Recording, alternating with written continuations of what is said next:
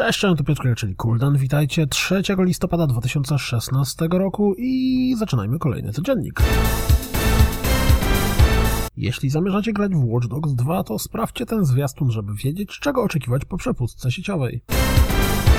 Kolejny zachodni zwiastun Persony 5 czeka na obejrzenie, wraz z rozmową z aktorem podkładającym po głos pod postać Ryuji. Jeśli kupicie Super Dungeons Brothers albo dostaniecie go w ramach Games with Gold, to postacie Broets, które przedstawia nowy zwiastun, dostaniecie gratis. Pojawił się nowy rewelacyjny zwiastun Dishonored 2. Ronin dawno temu pojawił się na PC i skradł moje serce, a jak widać z tego zwiastuna zawitał właśnie na PlayStation 4. Shadow Warrior 2 prezentuje nowy zwiastun, w którym cytuje fragmenty recenzji, w tym również 5 na 10 od poligonu. Dodatek do Hearts of Iron 4 Together for Victory otrzymał nowy zwiastun. Gracie w ogóle w takie gry?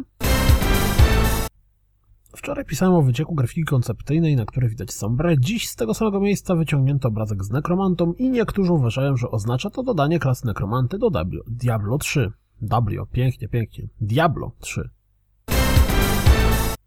W związku z trwającym strajkiem aktorów podkładających głos w grach, wypłynęło kilka nazw gier znajdujących się teoretycznie w produkcji. Interesująca wydaje się Guardian of the Galaxy, The Video Game, może mobilka, a może gra od Telltale oraz Call of Duty Stronghold i Call of Duty Lethal Combat. Google potwierdził, że ich wariant okularów VR, Daydream View, zadebiutuje w wybranych krajach 10 listopada. Kochacie Mario, ale hejtujecie gry na Unity? To powinniście przestać, bo Super Mario Run będzie zrobione na Unity. That Game Company wrzuciło jeszcze dwa obrazki odnośnie swojej nowej gry i na dodatek poinformowały, że aktualnie zatrudniają nowych ludzi. Serial Cleaner dostał nową aktualizację do wersji 0.4, dodającą do gry kolejne 4 poziomy. Ho, ho, ho, Facebook ogłosił, że powstanie Game Room, desktopowy klient do gier porównywalny przez Facebooka do Steama. Jest to związane z nawiązaniem współpracy między Facebookiem a Unity. Nintendo zdementowało informację Eurogamera, z której wynikało, że planowane jest rychłe zakończenie produkcji Wii U. Pojawił się filmik związany z polskim dubbingiem w Call of Duty Infinite Warfare. Zastanawiacie się, jak będzie wyglądała rozgrywka w trybie zombie z Call of Duty Infinite Warfare? To sprawdźcie te 26 minut rozgrywki z komentarzem.